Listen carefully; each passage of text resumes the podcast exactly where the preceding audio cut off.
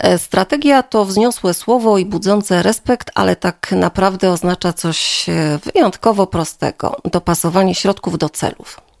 O ile cele, których może pragnąć każdy przywódca, są nieograniczone, o tyle środki, których może użyć do ich osiągnięcia, wprost przeciwnie.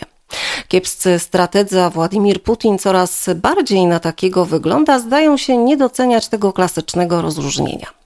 Prezydent Rosji nie jest też dobrym taktykiem. Poza niszczeniem ukraińskich miast z powietrza i wysyłaniem bandytów do walki z bezbronnymi cywilami, jego operacja specjalna nie ma nic wspólnego ze sztuką wojskową.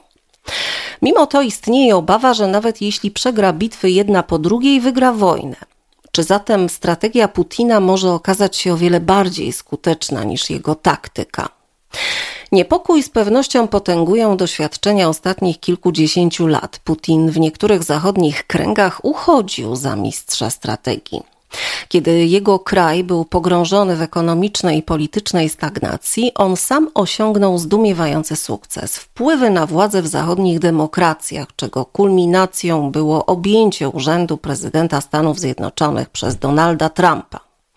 Aby zdestabilizować Zachód, Putin niewielkim nakładem sił i środków zrobił dużo więcej niż jego poprzednicy czy służby wywiadowcze w ciągu ostatniego stulecia. To wzmocniło jego postrzeganie siebie jako wielkiego wirtuoza geopolitycznej gry.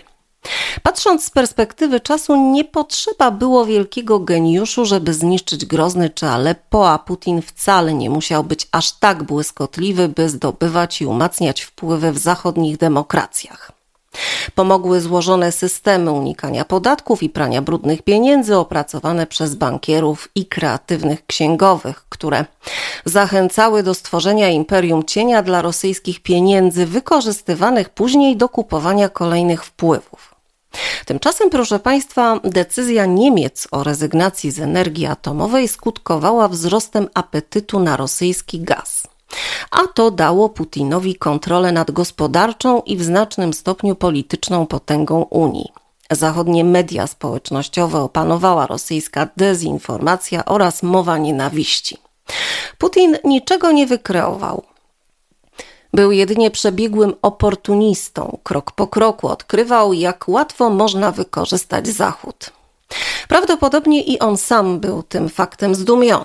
Skoro Zachód nie reagował w sposób zdecydowany na różne zaczepki, na przykład użycie nowiczoka, jednej z najbardziej toksycznych substancji na świecie w brytyjskim Salisbury, to dlaczego nie posunąć się dalej? Aspiracje dyktatora były ogromne. Chciał podkopać autorytet Stanów Zjednoczonych, skłócić Unię, zdyskredytować demokrację jako rywala dla jego własnego rodzaju autokratycznych rządów i wciągnąć zbłąkane były republiki Związku Radzieckiego z powrotem do nowej formy Imperium Rosyjskiego. Miał pozornie racjonalne powody, by sądzić, że może osiągnąć wszystko przy użyciu minimalnych środków. Ten sposób rozumowania uczynił go jednak złym strategiem, bo w praktyce nie potrafił dopasować swoich ograniczonych możliwości do sięgających kosmosu ambicji imperialnych. I nawet gdyby rosyjskie siły zbrojne nie były tak bardzo zniszczone przez korupcję, kiepskie morale i koszmarny łańcuch dowodzenia, to czy Putin mógłby kiedykolwiek podbić Ukrainę jako całość? Wysiłek polegający na stłumieniu dynamicznie rozwijającego się państwa z pewnością przekraczał jego możliwości.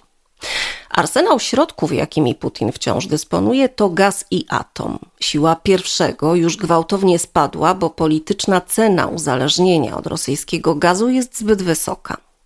Putin zmusił wrogów do reakcji, a ta obnażyła jego kiepską strategię. Posiadanie broni jądrowej pasuje natomiast do wyobrażeń Putina o sobie jako globalnym człowieku przeznaczenia.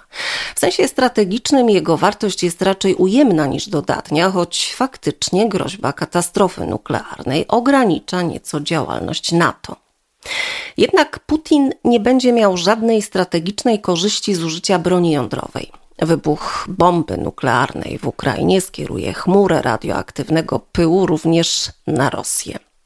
Samo zniszczenie nie może być strategią, jest samobójstwem. Już widzimy, że ta wojna raczej nie będzie środkiem do wielkiego strategicznego celu, a okrutną zemstą Putina na narodzie ukraińskim za jego upieranie się przy prawie do istnienia. Dokąd ostatecznie zaprowadzi to samą Rosję? Do wielkiej polityczno-ekonomiczno-społecznej katastrofy, moim zdaniem.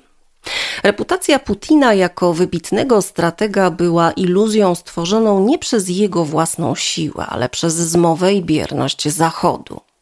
Demokratyczny świat wyczarował geniusza, ale jego ostatnie genialne posunięcie, jakim był atak na suwerenny kraj, sprawiło, że już na zawsze w naszej opinii pozostanie on kleptokratą i zabójcą o wielkich wyobrażeniach, którym nie jest w stanie sprostać.